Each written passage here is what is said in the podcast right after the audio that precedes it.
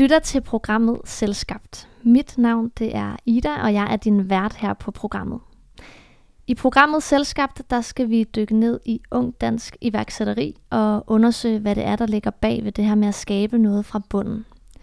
I hvert afsnit der får jeg besøg af en iværksættercase, som øh, gerne vil lukke os ind i deres verden og fortælle lidt om, øh, om deres rejse og motivationen for at skabe noget selv. Jeg er ikke selv en sådan succesfuld iværksætter, men jeg er bare typen, der har haft øh, utrolig mange idéer altid og, og startet alle mulige underlige ting op. Og jeg kan virkelig relatere til det der instinkt, der, der sådan ligger i folk, der, der vælger at starte noget op. Og, øh, og netop det instinkt, det ved jeg, at dagens gæst også kender til. Rasmus Holmgaard fra Gamers Class, velkommen til. Mange tak skal du have. Rasmus, lad os bare lige øh, starte lige på og hårdt. Øhm, din virksomhed Gamers Class, hvad, hvad omsætter I for på et, øh, et år? Ja, altså øhm, vores første år i 2018, der var vi nede omkring 35.000 danske kroner, mm. og i 2019 tror jeg vi omsat for omkring 1 million dollars, så 1,2-1,3 danske, og i år der går vi efter at omsætte for 1 million dollars, så omkring øh, en 6-7 millioner danske kroner. Okay, det lyder jo i mine ører som en ret stor øh, succes. Øhm, ja, altså jeg, jeg vil ikke kalde det for nogen succes endnu, fordi at det kan godt være, at vi har den omsætning, men vi bruger også flere penge, end vi, end vi omsætter for. Så, så før virksomheden er profitabel, så ved jeg ikke, om det er, en, det er en succes, men jeg synes, vi er på den rette vej. Ja, helt klart. Hvor meget, sådan, hvor meget tror du, I skal op i, før du føler, at sådan, det er en full-blown succes? Øhm, nu har jeg i Gamers Class mest med produktet at gøre, så jeg ja. tror, at det, det, som jeg rigtig gerne vil have, det er, at jeg vil rigtig gerne se, at vi får bygget et community af folk, der er, der er like-minded omkring, at de gerne vil blive bedre til deres passion, som jo så er gaming.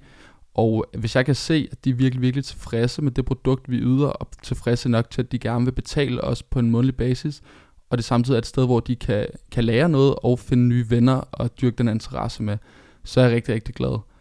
Og man kan sige, før at vi begynder at blive profitable, vi er jo en rimelig skalerbar forretning, fordi vi laver videomateriale, så skal vi nok op og have en, en 5.000 brugere øhm, på en månedlig betaling. Øhm, og det, det tal kan der hele tiden ændres med. Det er ikke fordi, det er fastlagt, det er så mange, vi skal have. Men, men jeg vil sige, når vi kommer derop omkring, så, så vil jeg sige, så synes jeg, at lige meget om det bliver en succes eller ej, så, så synes jeg i hvert fald, at vi har gjort noget, der er, der er et, et rigtig flot stykke arbejde. Netop som du selv nævnte før, at at vi har gjort en lille forskel, hvis mm. vi kan mm. hjælpe så mange mennesker.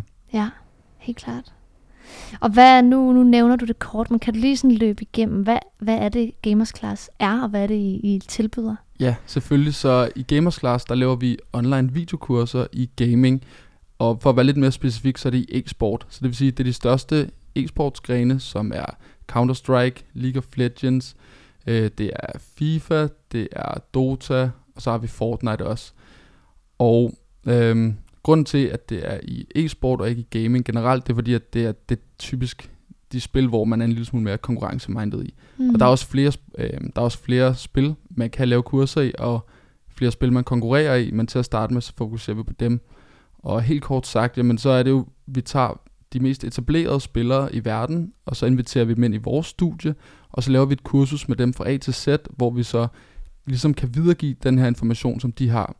Og det der er med det, det er, at i e-sport, det er en meget, meget ung industri, som jo, lad os sige, den er omkring 10 år gammel. Der har selvfølgelig været mm. en masse sådan, små bevægelser tidligere, men før det sådan er begyndt at tage lidt fart, øh, så lad os sige 10 år gammel. Og så der er ikke rigtig nogen øh, etableret måde at blive bedre til. Altså der er ikke nogen, hvis du går til fodbold, jamen så starter du din lokale fodboldklub, så kommer du måske til en lidt større klub, og, mm. og så kommer du på en kontrakt. Og der er ligesom lagt en eller anden form for roadmap i forhold til, hvordan du gør det talentudvikling. Men i gaming, der er der bare en masse passionerede unge, som sidder derhjemme og bruger rigtig, rigtig meget tid på det, men der er, så er der YouTube, men der er ikke rigtig nogen sådan trænere, der er ikke rigtig nogen mm. rollemodeller endnu, andet end dem, der er på scenen. Så derfor så har vi så valgt at gå til dem, der er på scenen i dag, og dem, der har klaret den, og prøve så at videregive deres råd til, hvordan du bliver bedre. Og hvis du rent faktisk gerne vil gøre det her til din levevej, jamen hvad er det så, de har gjort? Mm. Det, det, det giver jo god mening. Hvad, og hvad, hvem er I ligesom i teamet bag? Der, der er dig, og hvem, hvem har du med dig? Ja, yes, så det startede mig og Victor. Victor han var så på ferie, og Han er en gammel Counter-Strike-spiller, han kom så hjem.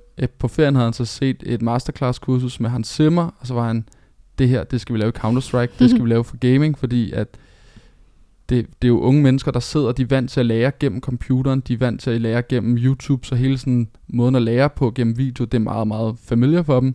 Mm. Og øh, det vil han bare gerne lave, og jeg tror, jeg har altid leget, leget med video, lige siden en, en meget, meget ung alder, hvor man har Mhm. optaget hjemmevideoer og dyrket både øh, parkour og skateboard og, og de her ting, hvor man ligesom laver videoer for at flexe for sine venner. Mm. Og, øh, og i den forbindelse, jamen, så var det meget, meget tydeligt, at jamen, han, han kunne sælge. Øh, han kendte nogen inden for Counter-Strike, og jeg kunne godt lave et videokursus, og så kunne vi ligesom prøve at komme i gang.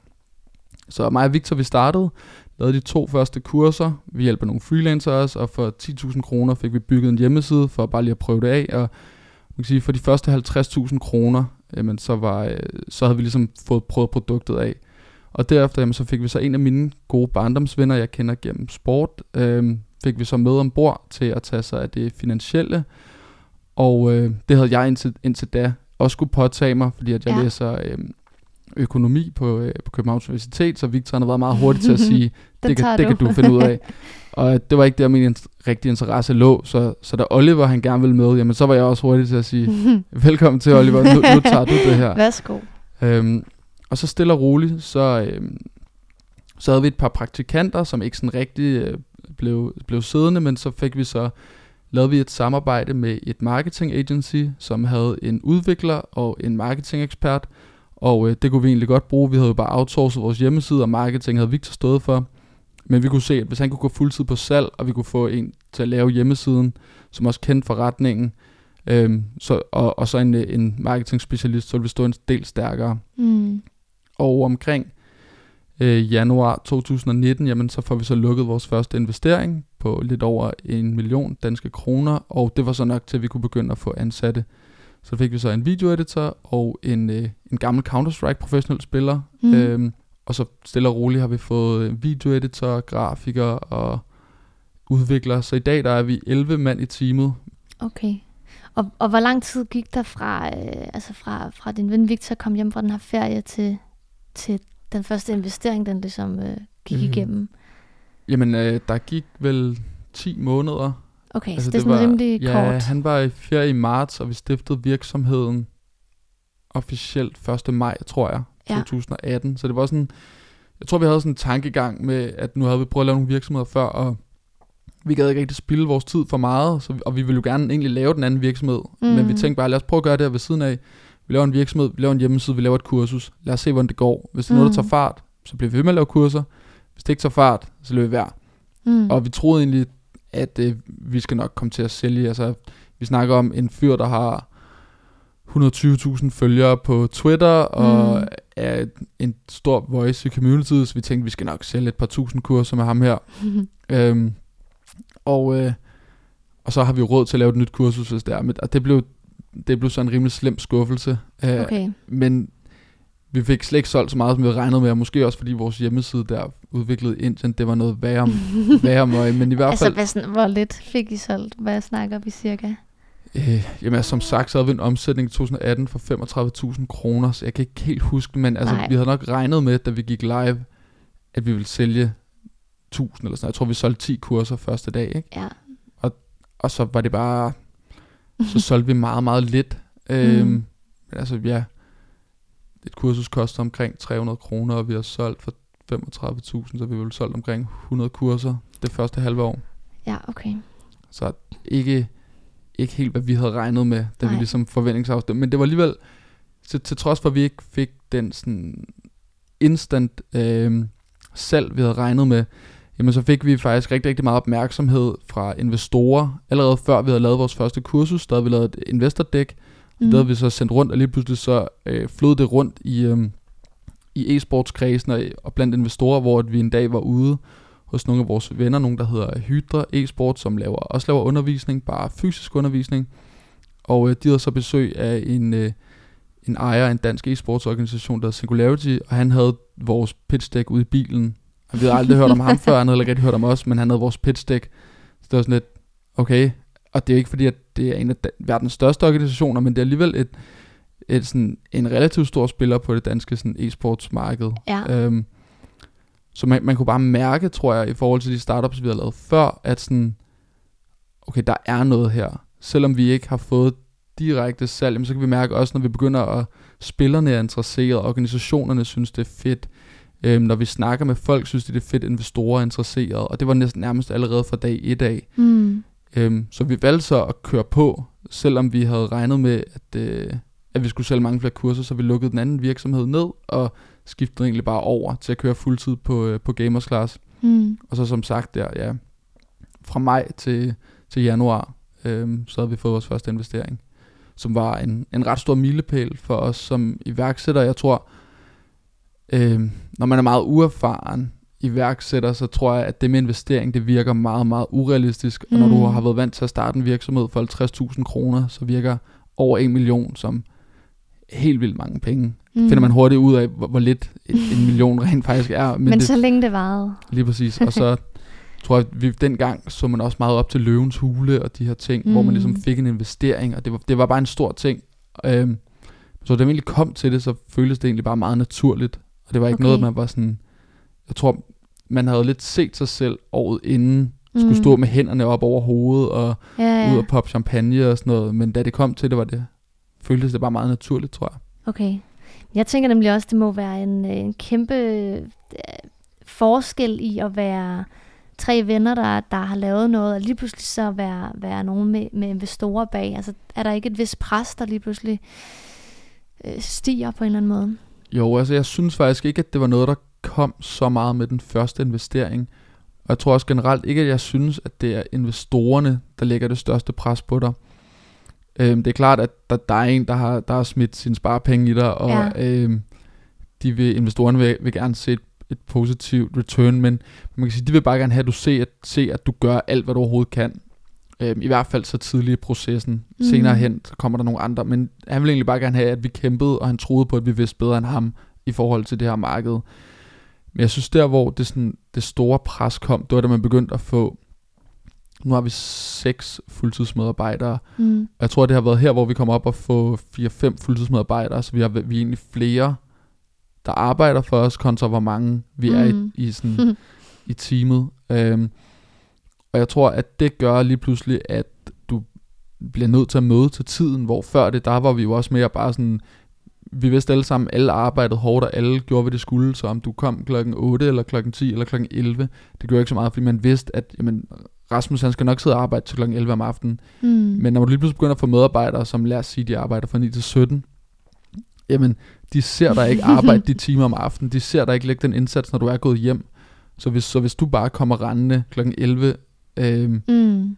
Eller tager fridage og sådan nogle her ting i, i tid og udtid, ja lige præcis, jamen, ja. Så, så sender du et dårligt signal. Så jeg tror, at det at få dem, og også at se, hvor committed de er til projektet, og hvor meget de går op i det, så føler du også, at du har et ansvar og, for, at, for at gøre en indsats, og så selvfølgelig også, at du betaler deres løn, og du vil jo helst ikke fyre dem, hvis det går dårligt. så, så der, kommer, Nej. der kommer et pres på med medarbejderne.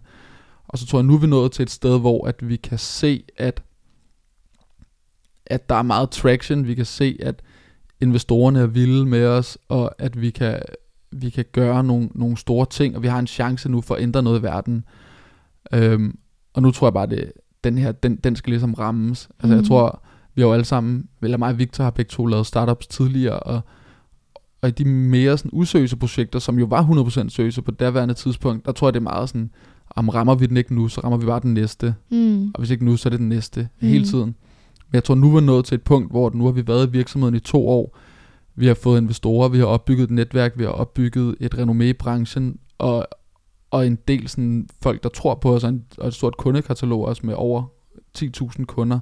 Jamen så tror jeg også, man begynder at føle nu her, at den her, den, den, den skal vi tage hele vejen, ikke? Ja. Altså det er ikke bare, nu er det ikke bare, går den, så går den. Altså nu er det, det her, det, det skal lykkes. Mm. Øhm, så ja, det, det var en lang smør, men, men det var ikke nødvendigvis investorerne, som, øh, som sætter presset, synes jeg. Det er mindst lige så meget en selv.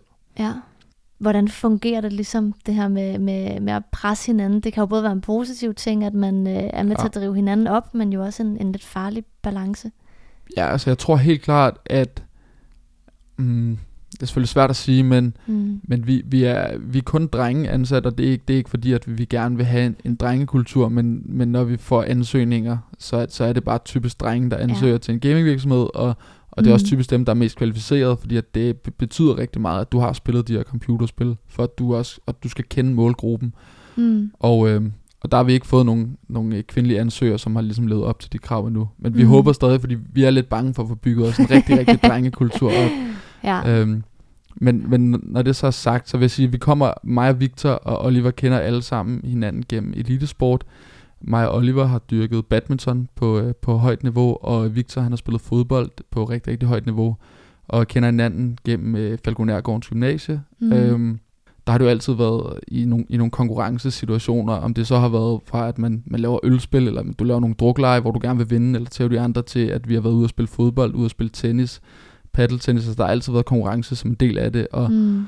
og konkurrence er en stor driver på, på vores kontor og i vores kultur, sådan kvæg, øh, hvem stifterne også er. Mm. Så jo, altså internt i teamet synes jeg ikke, det er noget problem, fordi jeg tror også, at hvis du vælger at gå fuldtid som, som iværksætter og, og lever og, og drømmer det, jamen så, så, så, så skal du også være indstillet på, at, at du bliver presset. Men jeg tror nogle gange godt, at det kan være en lille smule skadeligt i forhold til vores medarbejdere, at fordi vi, vi er meget vant til at presse hinanden, men jeg tror nogle gange, så glemmer man lidt, at de ikke også har det samme. De har ikke den ejerskab, som du har over projektet. Mm. Selvom vi, jeg føler, at alle vores medarbejdere virkelig lever og drømmer gamers class og skriver til os i tid og utid. Det er ikke bare 9-17 medarbejdere.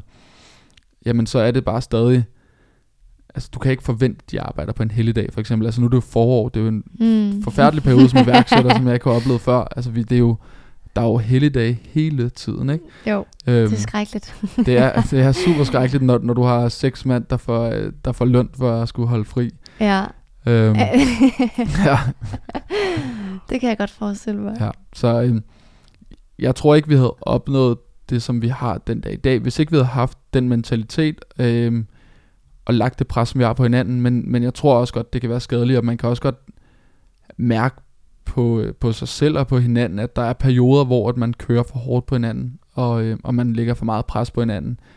Øh, men jeg synes også, vi er gode til at tale om det, i, i talesæt det at sige sådan, på at jeg har virkelig, virkelig haft, øh, haft en hård periode, jeg har lige brug for at, at tage et par dage, øh, Mm. måske arbejde hjemmefra, eller, eller et par dage helt off, fordi at, øh, jeg kan mærke, at jeg skal lige, lige Mm. finde mig selv igen. Øhm, og det er jo også en af frihederne ved at være iværksætter, at vi er jo selv cheferne, så selvom vi gerne vil vise det rigtige signal over for medarbejderne, jamen så, så kan man godt tage sig den frihed, og jeg tror også godt, at jeg tror ikke, der er nogen af medarbejderne, der er i tvivl om, at vi alle sammen giver den 120 procent, og nu er vi for eksempel i gang med en investeringsrunde, og den er ved at være lukket, og det er jo Victor, vores direktør, som virkelig har lagt et stort stykke arbejde der. Altså jeg, jeg er så heldig, at jeg, jeg skal jo ligesom bare fokusere på virksomheden, den, den kører videre, Mm. og vi bliver ved med at levere det produkt til vores kunder. Øhm, Ja. Men han har skulle have haft så mange samtaler, og vi var i USA, men blev tvunget hjem til, til Danmark, øhm, hvilket så gør, at de fleste investeringsmøder, jamen, de er ligget fra klokken 10 til klokken 1 om, om natten, og, ja. og han er så heldig, at han lige har fået en søn her i, øh, i sommer, men, men når han så skal sidde på kontoret fra, fra 9 til 17, og så lige hjem og se sin søn og spise mad med sin kæreste, og så er der møder igen fra klokken 9 til, til midnat, jamen så er det en rigtig hård periode. Så jeg tror også, når den bliver afsluttet, jamen så, så tager han nok et par fortjente dage i, i sommerhus øh, mm. Med sin kæreste, så er der ikke nogen, der, der ser skævt til det. Fordi vi ved godt alle sammen, at han har lavet en stor indsats på hele virksomhedens vegne. Mm. Føler du, at det sådan generelt går meget øh, op og ned, altså i bølger, som det du beskriver der, for eksempel med hårde perioder, og så kan man trække sig til nogle lidt lettere perioder. Er det sådan, en, sådan det er at være iværksætter? Ja, det, det vil jeg helt klart mene. Altså, jeg, jeg tror, at jeg har en meget, meget øh, stor indre øh, selvsikkerhed og tro på, at jeg nok skal klare den på et tidspunkt, og, jeg nok skal, og det nok skal blive til noget. Og jeg tror rigtig, rigtig meget på gamers class. Men jeg har en, det, der holder mig mest i gang, er, er nok troen på mig selv og på mit team med, at vi nok skal, skal lykkes med noget på et tidspunkt. Og så er gamers Mm. class, det er man aldrig 100% sikker på, fordi at jeg synes godt, man kan mærke, at der er nogle dage, hvor man tænker, okay, gamers class, altså det, det er jo det fedeste. Det, det kommer Mm. lige meget hvad, kommer det her til at være en ting. Og vi er nu foran de andre, så vi skal nok lykkes med det her. Men der er også andre dage, hvor man tænker, hvorfor, hvorfor hvorfor kan vi ikke få kunder billigere, eller hvorfor mm. er det, at, ja, hvorfor ser vi ikke mere reaktioner, når vi, når vi har nogen, der har en halv million øh, afspilninger på YouTube, og vi har en reklame i den video, så hvorfor konverterer det ikke bedre? Så, mm. altså, der, der er dage, hvor det føles som, som om det er rigtig meget op ad bakke, øhm, og så er der dage, hvor man virkelig bare sådan kan mærke, det her, det, det er det store. Der tror jeg, det er vigtigt, at man, man har en, en indre driver, hvor man, man har troen på det, fordi at ellers så kan det godt blive rigtig tungt, tror jeg. Mm. Fordi det er jo også bare, ja, altså, for eksempel coronaen har været en kæmpe, kæmpe stor svingtur for os, hvor at vi, vi var en del af et uh, acceleratorprogram i San Francisco, uh, 500 Startups, som er et ret anerkendt startup-program. Ja.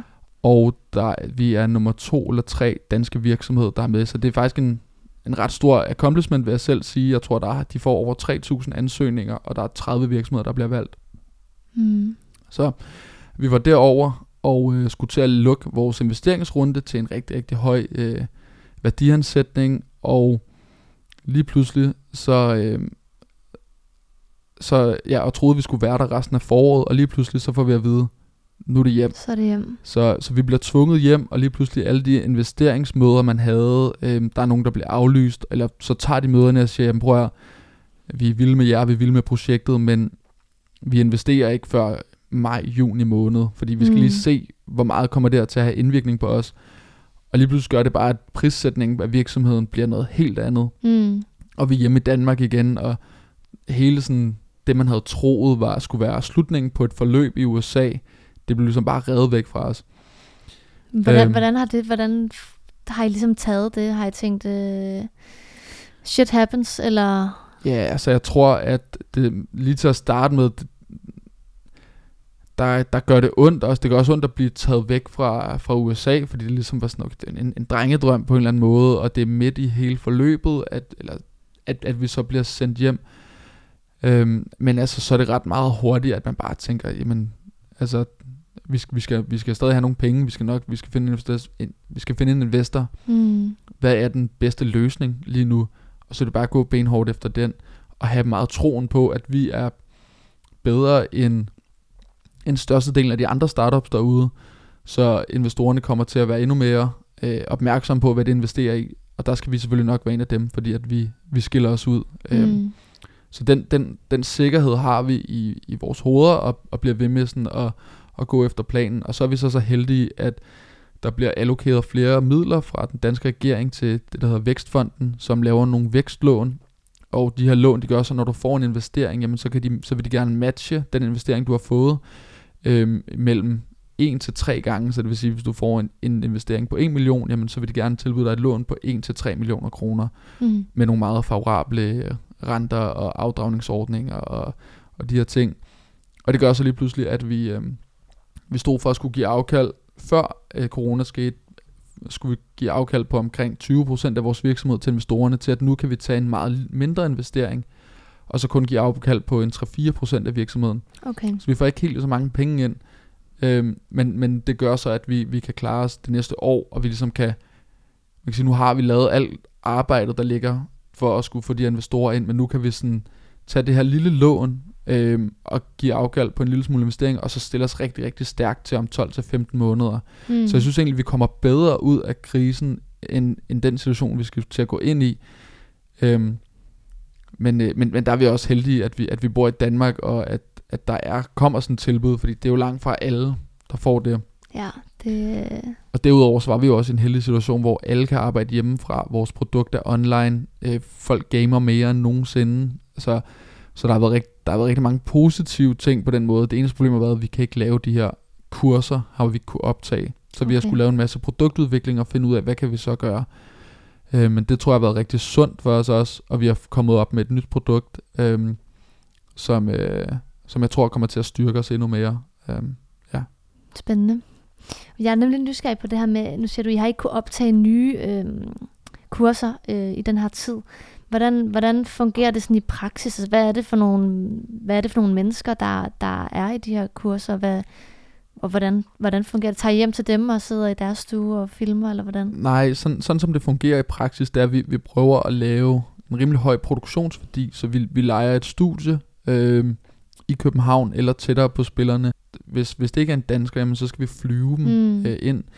Så skal vi lege et studie, hvor der er en del af studierne, der har haft lukket ned, og så skal du være et, et lille team, og man kan sige, at de her spillere er jo nogle, nogle dyre drenge, i, i og med at de er så succesfulde, som de er, og præmiepengene i, øh, og sponsorater i, i eksport er steget så meget, så, så de løber heller ikke lige chancen lige pt. med sådan at skulle ud til et, til et fremmed kamerahold og ligesom lave de her produktioner. Så siden marts, der havde vi den sidste produktion i LA med en af verdens bedste Counter-Strike-spillere, som hedder Twist. Han er fra øh, Canada, men spiller på det bedste amerikanske hold. Øhm, det er noget, vi lige at optage, da corona ligesom var brudt ud, Mm. men at det var før, at der var begyndt at komme restriktioner, men man vidste godt sådan, der skal Nu. til at ske noget nu, ikke? Ja, øhm, ja. De nåede lige at spille en turnering øh, ugen før, hvor at publikum blev sendt hjem på anden eller tredje dagen, Okay. så finalerne Det blev var spillet lige uden. i slutspurten der. Det var det. Så det, det nåede vi lige, og så blev vores efterfølgende produktioner, som vi var i LA for at lave, de blev aflyst, øh, desværre. Nu, nu nævner du, at han var en af de bedste inden for hans ligesom, øh, klasse. Hvad, hvad, er det sådan typisk de bedste, I får fat i, og, og hvad, hvad, hvad skriver I en mail? Hej, øh, øh. Øh. verdens bedste til, til det her. Ja, ja. Skal du lige øh, med på vores øh, projekt? Altså, man kan sige, nu, nu er det meget bare, at vi skriver en mail, men det, det var jo, det var helt klart den første spiller, der var den sværeste at få fat i. Mm. Øhm, vi fik fat på to ret store danske profiler. Den ene hedder øh, Jakob øh, Pimp. Han er, han er fra Aalborg og har spillet Counter-Strike. Øh, været, været stand-in for Astralis og spillet for Team Liquid og spillet med de bedste øh, danske stjerner. Spillet med alle dem, der spiller på Astralis. Og, øh, og Victor kendte vist, han, dengang han spillede semi seriøst i Counter-Strike 1.6, der kendte han en, der spillede med der havde spillet med, med Jakob og var venner med ham på Facebook, og fik vist bare en introduktion, og fik lov til at skrive sådan der, hey, hvad så? Øh, Jakob, han var stoppet som professionel Counter-Strike-spiller. Han var ikke nødvendigvis stoppet i den periode, men han havde ikke noget hold. Øhm, Mm. og havde lidt ekstra tid, og var begyndt at være øh, analyst til store Counter-Strike-turneringer, og det passede egentlig meget godt med, at han lige kunne tage til København og lave det her. Øhm, og så fik vi en anden dansker, øh, Henrik Hansen, som går under Froggen, som spiller League of Legends, og han er sådan, han er et rigtig stort navn i League of Legends, har været der lige fra starten, og har 280.000 følgere på Twitter, og lige efter vi havde lavet kurset, jamen så blev han signet af et amerikansk hold, og så flyttet til USA. Og vi ramte også ham på en rigtig god timing. Han var hjemme i Danmark, hvor han ikke havde noget hold over sommeren, og ventede på at finde et hold. Mm. Øhm, så at det, at vi fik, øh, jeg tror Jakob gjorde det muligt for os at lave noget med, med Henrik, fordi at det var sådan, okay, nu har de i hvert fald en spiller, Mm. og det vi fik øh, Froggen, det gjorde så, at nu begyndte organisationerne at svare på vores mails, fordi at han var et meget etableret navn. Okay. Øhm, Så I skulle lige, I skulle lige ind i varmen? Ja, så man kan sige, det er sådan lidt en, en verifikationsproces, hvor ja. at, og den har stadig varet i lang tid. Og så kan man sige, så tror jeg, at så har vi haft rigtig, rigtig mange gode navne ind i løbet af 2019, men det, det kulminerede så med, at vi fik lavet en aftale med den danske Dota-spiller, som hedder Johan Sundstein, øh, går under nicknamet No Tail. Mm. Og han er den mest vindende e-sportspiller nogensinde. De har vundet uh, The International to gange, som er den største turnering i Dota, hvor der er præmiepenge på. Sidste år var det 35 millioner dollars. Um, så uh, så han, han er den mest indtjente spiller nogensinde, og han er et navn, hvor hvis du er inden for e-sport, så ved du, hvem han er. Så jeg tror, det er sådan et, en eller anden form for rang, uh, en rangliste, hvor du skal climbe op, du skal bygge dit renommé op, og, uh, og det er klart sværest i starten. Uh, Ja. men men det er også der, det er vigtigt, og jeg tror også, man skal, man skal tage nogle chancer. Altså, vi tog nogle chancer, og de første 50.000, vi havde til at lave projektet, jamen, så betalte vi, øh, så betalte vi over halvdelen til, øh, til en af de her spillere. ja. Og der, der satser man jo på, at det så kan tjene sig hjem. Øh, og man kan sige, at den dag i dag, det, det var en meget billig aftale, vi fik lavet med dem, og det tror jeg, fordi at de er danskere, og de, de ikke lige havde så travlt, og de synes projektet var meget spændende, og så får de så også en del af det, deres kursus omsætter for. Mm. Øhm, men, men jeg tror, det var vigtigt, at vi gjorde det, i stedet for bare at tage nogle af de helt billige, fordi at det, det hjælper os med at slå os fast på e-sportscenen, og gjorde, at, at man bliver inviteret til de store events, hvor du kan møde flere folk, kan man sige. Okay, så, det, så, så I betaler dem for, at de kommer og laver en video til jer, og så bliver der givet en del af indtjeningen til jer, og en del af indtjeningen til dem. Yes. Så altså, det er jo typisk omkring tre timers materiale, der bliver lavet, Okay. fordelt over en 20-30 videoer. Og så har jeg, jeg har samtaler sammen med spilleren og med en spilekspert, hvor at vi, vi bruger et par uger på at udarbejde et, par uger, ikke et par ugers fuldtidsarbejde, men altså spilleren deltager i nogle sessions, og så imellem sessions, der bruger vi tid på at bearbejde, hvad vi har snakket om. Mm. Og så udarbejder vi materialet og laver et soft manuskript, kan man sige. mm. Og, øh, og så, så er det det, vi tager udgangspunkt i, øhm, og laver kurset ud fra. Og så bliver det ligesom solgt som den her pakke, som inkluderer de her 20-30 videoer. Okay. Nu øhm, synes jeg, vi skal bryde lidt med formen her. Øh, for jeg har en leg, jeg godt kunne tænke mig, Ja, at vi leger, spændende. som jeg kalder spisken på disken. Og det drejer sig om, at jeg har 10 spørgsmål til dig. Og øh, det, det er en meget simpel leg. Der er kun én regel, og det er, at du kun må svare med et ord, Yes. så vidt muligt. Så øh, dem tænker jeg, at vi bare tager her.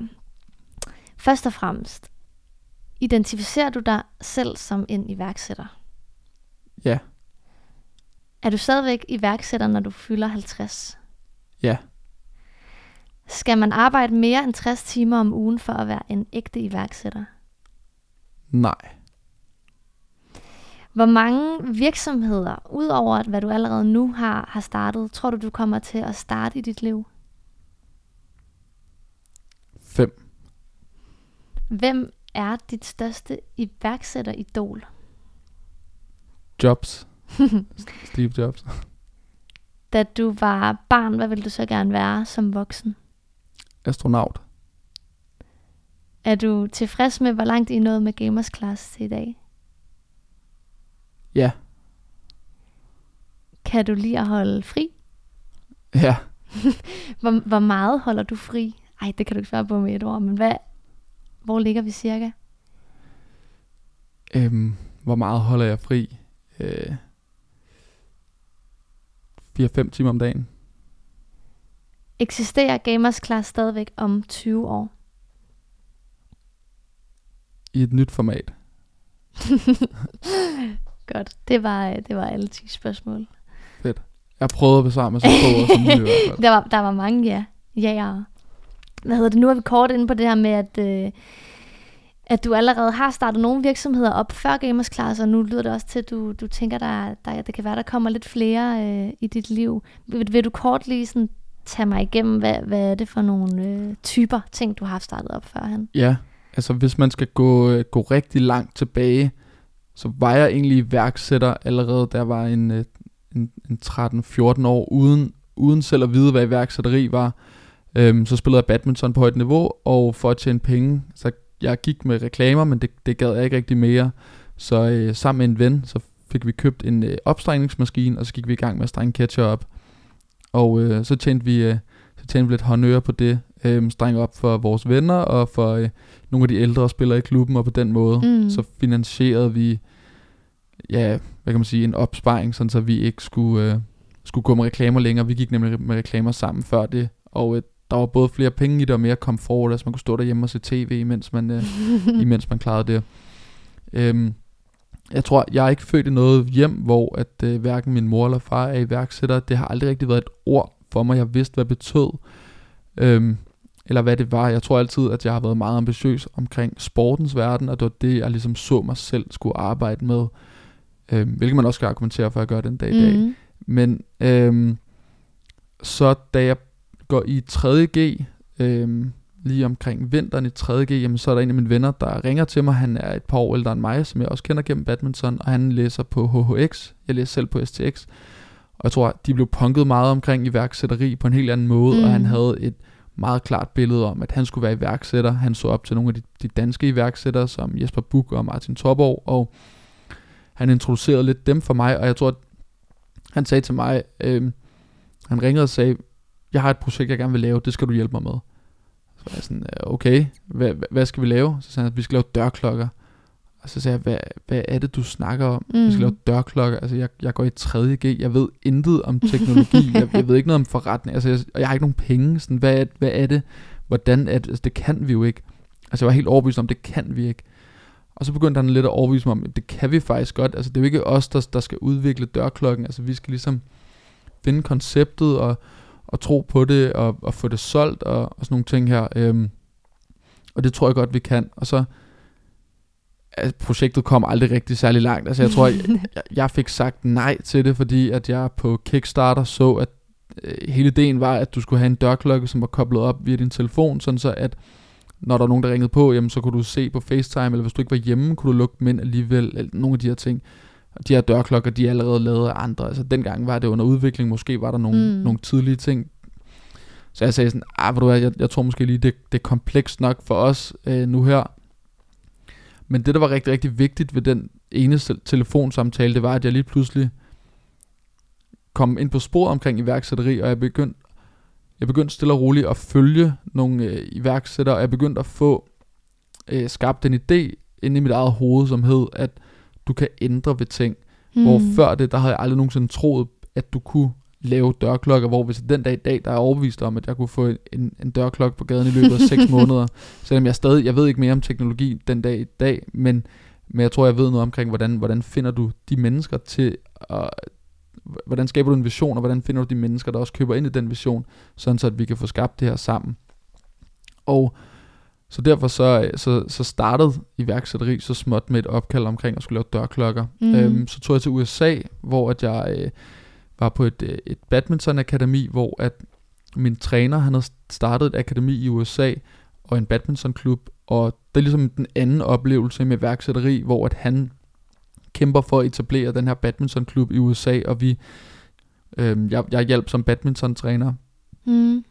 og, øh, og vi sammen prøvede at hvad kan man sige, altså man fandt ud af også, hvor vigtigt det er at behandle kunder ordentligt, for at de tager deres venner med ned i badmintonklubben, og vi så det ligesom vokse øhm, fra at have 0 medlemmer til at have over 350, da jeg tog hjem øh, et halvt års tid efter.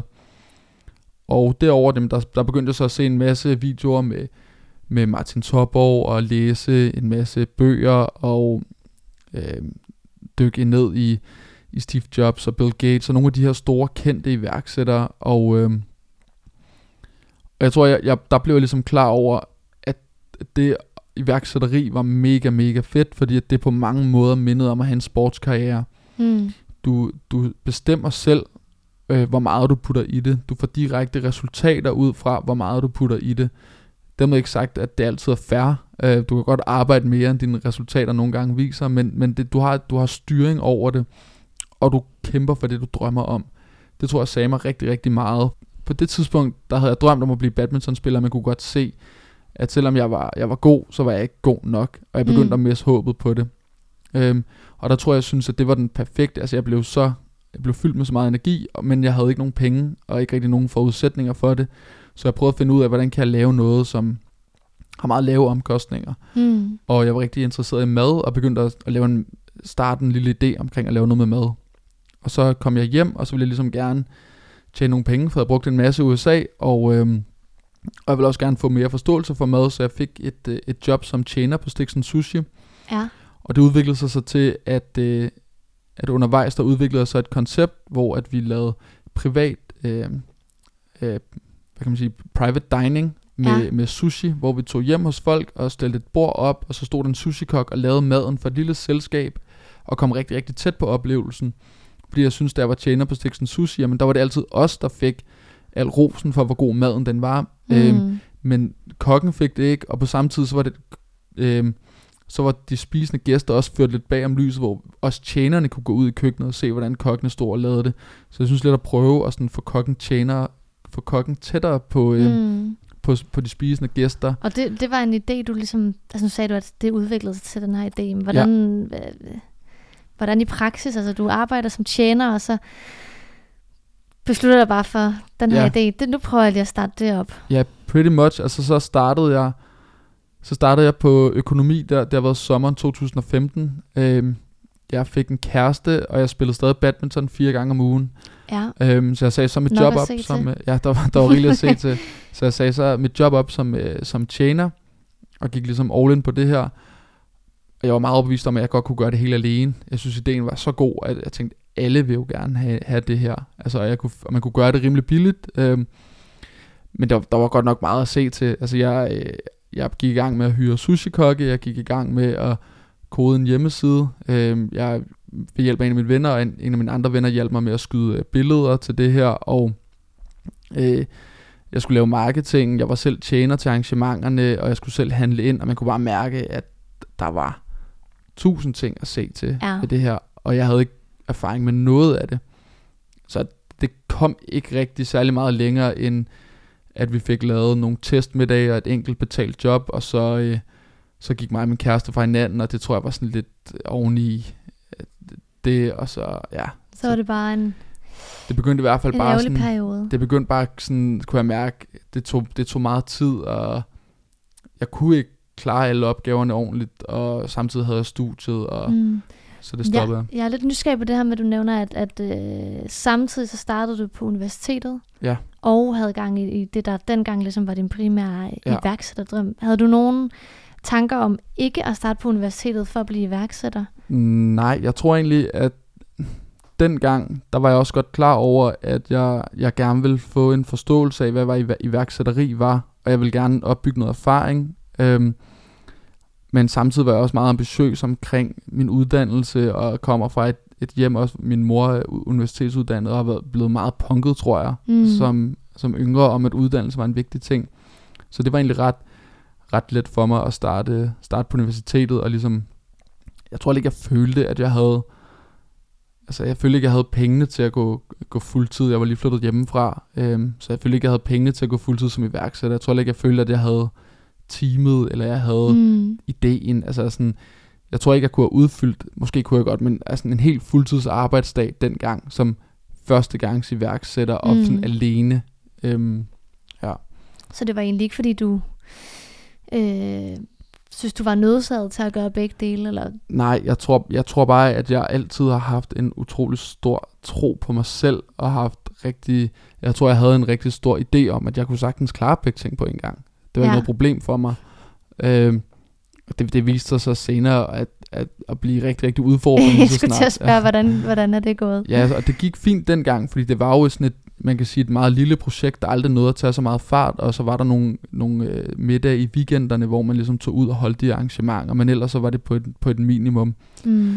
Øhm, Men der, der må have været, øh, tænker jeg, nu er, det, nu er det noget tid siden også, der må have været nogen, en del gange i løbet af de sådan uni-år, hvor du har skulle vælge, forestiller jeg mig, Ja, mellem, altså, jeg mellem s- uddannelse og, og Jeg synes ikke, det, det var ikke slemt med det projekt, så efter det, der gik vi i gang med mig og en ven og lave nogle herresmykker, fordi det synes vi, at der skulle være.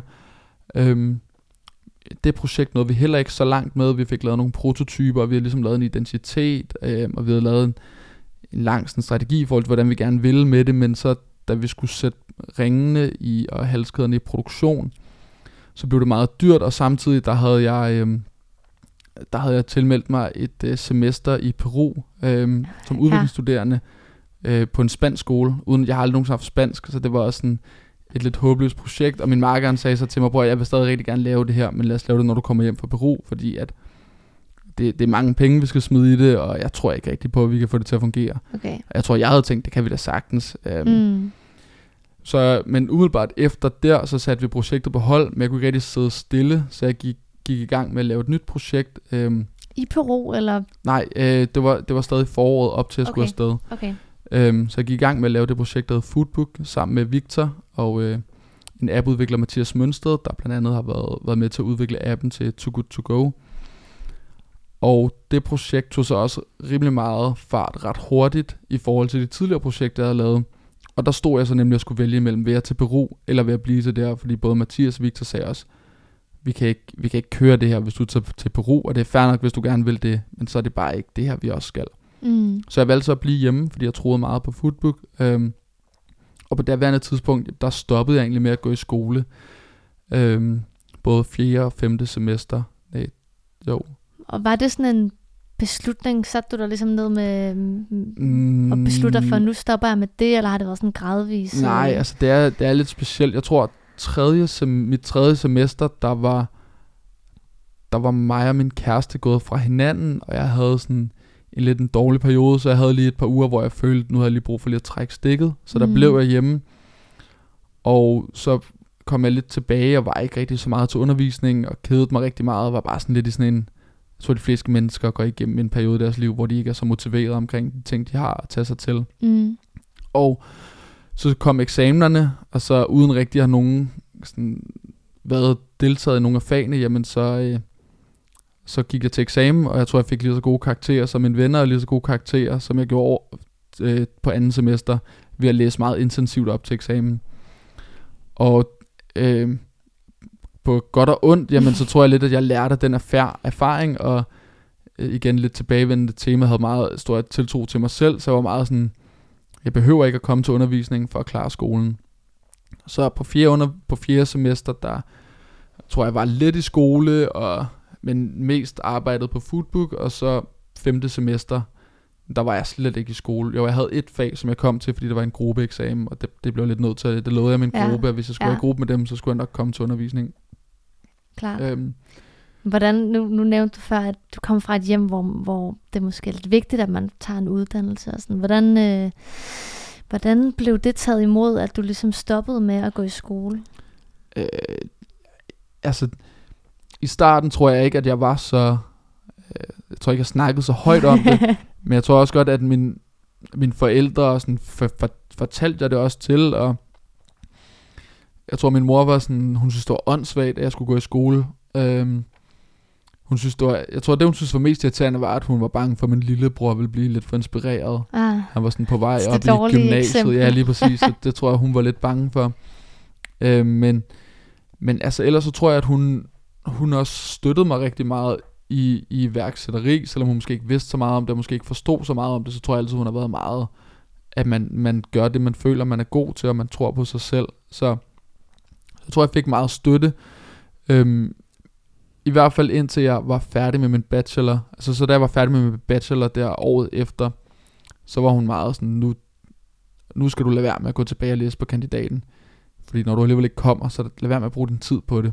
Mm. Og der valgte jeg så at fortsætte på, på min kandidat alligevel. Hvorfor? Øh, jamen jeg tror egentlig, at på, på daværende tidspunkt, jamen, der synes jeg lidt, at jeg havde bevist over for mig selv, at nu havde jeg klaret 3., 4., 5., 6. semester, inklusive min bachelor, uden at gå i skole. Samtidig så fik jeg, øh, så fik jeg SU, og jeg tog SU-lån, som gjorde det muligt for mig ikke at skulle have noget arbejde ved siden af, sådan så jeg kunne gå fuld tid på, øh, på sådan lidt en transition mellem gamers class. Ah, det var 100% gamers class, da jeg startede på min kandidat. Ja. Øh, men så kunne jeg gå fuld tid på, øh, på gamers class, få min SU og SU-lån, og så kunne jeg lige holde et par, ferie, et par ugers ferie op til mine eksamener og bestå dem. Så tænkte jeg, der er to år tilbage, altså nu kan jeg jo lige så godt bare køre det så langt jeg kan. Hvis jeg dropper ud, så er det hvad det er. Men altså, Gamers Class betaler ikke min løn, fordi det har vi ikke råd til lige nu. Og det så kan, det gør, det kan det gør SU'en. ja, hvis, så jeg vil hellere gøre det, end at skulle tage et job som tjener igen. Fordi at jeg ved også, hvor træt man er, efter man er ude på arbejde. Det er ikke der, man kommer hjem og tænker, nu skal jeg i gang med at arbejde på, på mit eget projekt. Så jeg tror, det var en måde, hvor jeg følte, at jeg egentlig kunne gå fuldtid på Gamers Class, og så måtte jeg tage skolen lidt, som den kom. Ja. Nu, øh, nu mangler jeg bare mit speciale, øh, som jeg så udskød, fordi vi var i USA. Øh, okay. Ja. Hvad, mm, hvis jeg skulle være lidt streng, så vil jeg jo sige, at du sådan udnytter SU-systemet en smule. Har du haft nogen sådan skrubler omkring... Mm, hvor... Nej, der, jeg må nok være ærlig at sige, at jeg, jeg har aldrig nogensinde haft dårlig samvittighed omkring det. Jeg, jeg tror, at, at jeg føler nu også, at vi har skabt seks fuldtidsarbejdspladser øh, til det danske samfund. Vi betaler, vi betaler virksomhedsskat. Altså jeg, jeg føler, at vi vi slash mig selv gør nok til, at jeg kan retfærdiggøre det. Mm. Øhm, man kan sige, jeg har jo også øh, jeg har jo bestået min fag på skolen. Jeg har ikke udskudt min fag for så at droppe ud, fordi altså, skolen mm. får jo mm. også, øh, får også en betaling, når, når jeg som elev bliver færdig. Jeg, jeg vil bestemt sige, at jeg har udnyttet SU-systemet til min egen fordel, men altså, jeg, jeg tror, at jeg føler, at der er andre, som udnytter systemet, hvor de måske ikke bidrager med lige så meget. Mm. Øhm, og jeg tror, at jeg synes, at, øh, at når jeg har, hvis jeg har venner, der, øh, der ligesom går på studie, og så når de er færdige med at være på studie, så går de hjem og ser Netflix, eller, eller du ved, hygger sig, eller drikker øl, drikker vin, whatever. Øh, hvor at, at her får jeg SU, og så arbejder jeg på at bygge en virksomhed. Altså der, der tror jeg, jeg sådan har tænkt mm. på, at hvis, øh, hvis, hvis det stod til dem, så ville de også give mig lov, fordi at de kan mm. godt se, at, at vi er gang i noget, noget, der kan blive større her. Helt klart. Selvom jeg tror på, at jeg altid skal være iværksætter, så tror jeg ikke, det gør noget dårligt at have en kantpolit i, i, i ryggen. Og, øh, Klart. Ja. Er det noget, du sådan kan, kan, kan anbefale andre, det her med ligesom ikke at se øh, uddannelse eller SU og hele det system som, som, som en vej, og, og iværksættervejen som en, en anden? Ja, altså jeg, jeg vil anbefale alle om, at de skal starte en, en, øh, en virksomhed, mens, mens de er studerende, og, og gerne jo før jo bedre, kan man sige. Altså hvis du kan starte, mens du bor hjemme, jamen, så er det jo perfekt, fordi at så har du alt de tryggeste rammer i verden. Du har ikke nogen udgifter, du har, du har ikke nogen regninger, du bliver ikke smidt ud af din lejlighed, eller du bliver ikke nødt til at leve af pasta, øh, hvis, det er, du ikke, hvis du ikke tjener penge. Og jeg synes også, at, at SU er et perfekt tidspunkt, fordi at der er eller, eller SU eller uddannelsen er et perfekt tidspunkt, fordi at du kan lidt gøre det til, hvad du vil på de fleste studier, hvor mm. at lige så snart du kommer ud på arbejdsmarkedet, og skal arbejde 40 timer om ugen, og har deadlines, og har en, øh, en jobgiver, en arbejdsgiver, mm. jamen, så er der et pres på dig, og der kommer du til at være træt efter arbejde, og jeg tror ikke, det er der, at man har overskud og tid til det. Så medmindre man har et rigtig godt betalt job, som man kan have nogle år og, og spare op ved siden af, for så at kunne udleve drømmen, jamen, så tror jeg bare, at det er det bedste tidspunkt at gøre det på. Og det er, jeg tror, det er der, hvor risikoen er lavest. Altså, du, kan, du er i en alder, hvor det er okay, hvis du flytter hjem til dine forældre igen. Og, mm. og du har, for de fleste af mine venners vedkommende i hvert fald, ikke børn og, øh, mm og, og sådan nogle ting, hvor at lige så snart du begynder at få børn og få et fuldtidsarbejde, jamen, så har du nogle andre ansvar, tror jeg. Så, så der er, ikke nogen, der er ikke nogen grund til ikke at gøre det. Hvis, hvis man har en drøm om det, så er det i hvert fald bare at prøve det af, mens man ikke har noget at tabe.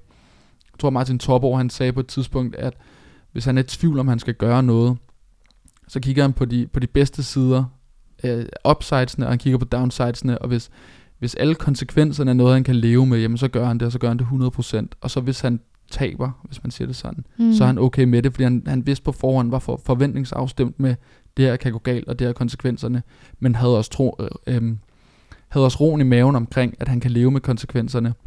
Og der tror jeg, nu er det ikke fordi, at jeg er enig med alt, hvad Martin Topper siger, men lige det der, det satte sig i hvert fald fast, at det synes jeg er en god måde at kigge det på og sige, skal jeg tage den her chance i mit liv? Og der tror jeg bare, som studerende, der er sådan, de negative konsekvenser er næsten, altså hvor hvis du har et fuldtidsarbejde, lad os sige, du tjener 40.000 om måneden, hvis du skal sige det op, for mm. at, at udleve en drøm og bruge din opsparingspenge på det, så kan det godt blive en rigtig dyr fornøjelse at teste af, om man gerne vil være iværksætter, hvor som 22-årig, hvor at du kan tage hjem og du kan sikkert også få mor og far til at sende dig 1000 kroner, hvis du lige står og mangler det.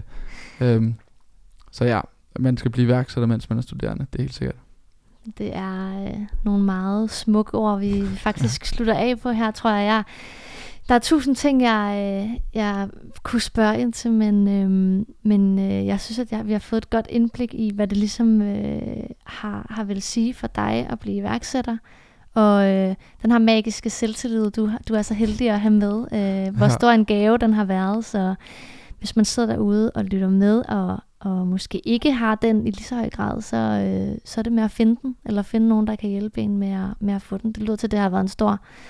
Øh, gave i hvert fald for, øh, for dig og ja, din rejse. Helt bestemt.